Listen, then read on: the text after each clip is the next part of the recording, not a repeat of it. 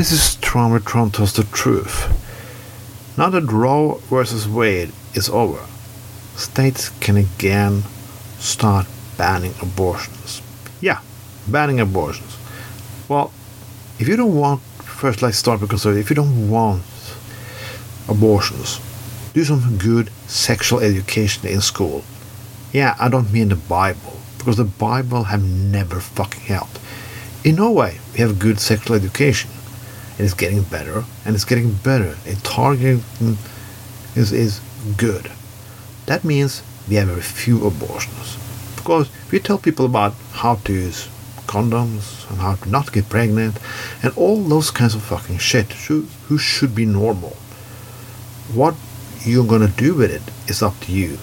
We don't say see the reason why we should stay in school that the Christian way of waiting till you get married is the right way. It's fucking up to you to do so. But when you have an abortion, if you don't want more abortions, I mean, that is kind of education you need to have. When it comes to abortion, it's always blaming the women. Yes, because it's very fucking easy to do so. The men can usually run away and don't do a fucking shit. They don't have to do a shit. They should have, but they don't. And they're getting fucking away with it. Because those laws are fucking created by men. So is the fucking moral. A woman can fuck all she wants, but that's just a fucking slut on a whore. When men can fuck all they want, and then they Don on like a conqueror, it's all fucking pathetic. If a woman cannot have ever an abortion or pregnancy, men should not have Viagra it's not the right of man to have a hard penis. If God created you with a tiny, non-standing penis, that's the will of God. God wants you not to fuck. Isn't that reasonable? If you can say to a woman like the pregnancy is God's will, why isn't other things God's will? Should we stop treating illnesses because because the guy who is sick is part of God's plan? What are we going to do with the fuck we want then? Since all is a part of God's plan. And why do conservatives still want laws for everything? If anything, anyway, is decided a part of God's plan. Why do conservatives upset against liberal laws? Why should they? The liberal laws must be God's plan of their logic. But no, they need to ban all the fucking shitty kind of laws. But I say, ban Viagra ban everything.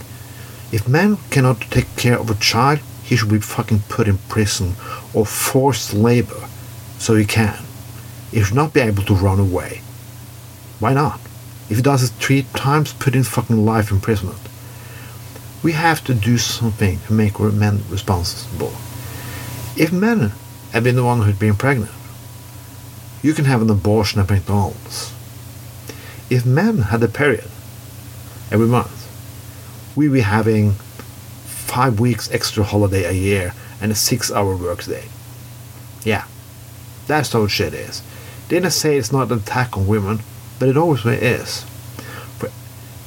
Take example from Japan. When the abortion and the, the pill was take years of years of years to making legal. Viagra, not many weeks. All you say Japan or United States is different, they are. But the thing they have in common, women are under men, and they always have been. Conservatives always want to hide themselves behind values and about the nation and all that kind of fucking shit. But conservatives says to me that like we are for the free United States. I want to how free them exist in their fucking heads. How? I don't understand their fucking freedom. Everything they present of their freedom is for me disgusting. It's nothing with their freedom that I found freedom.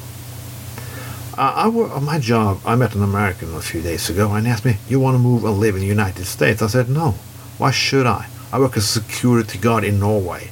I can still pay my apartment, I can still pay my fucking bills, and I don't need a fucking second job. I'm not rich, but I'm okay. If I'd been in the United States, I would not be okay.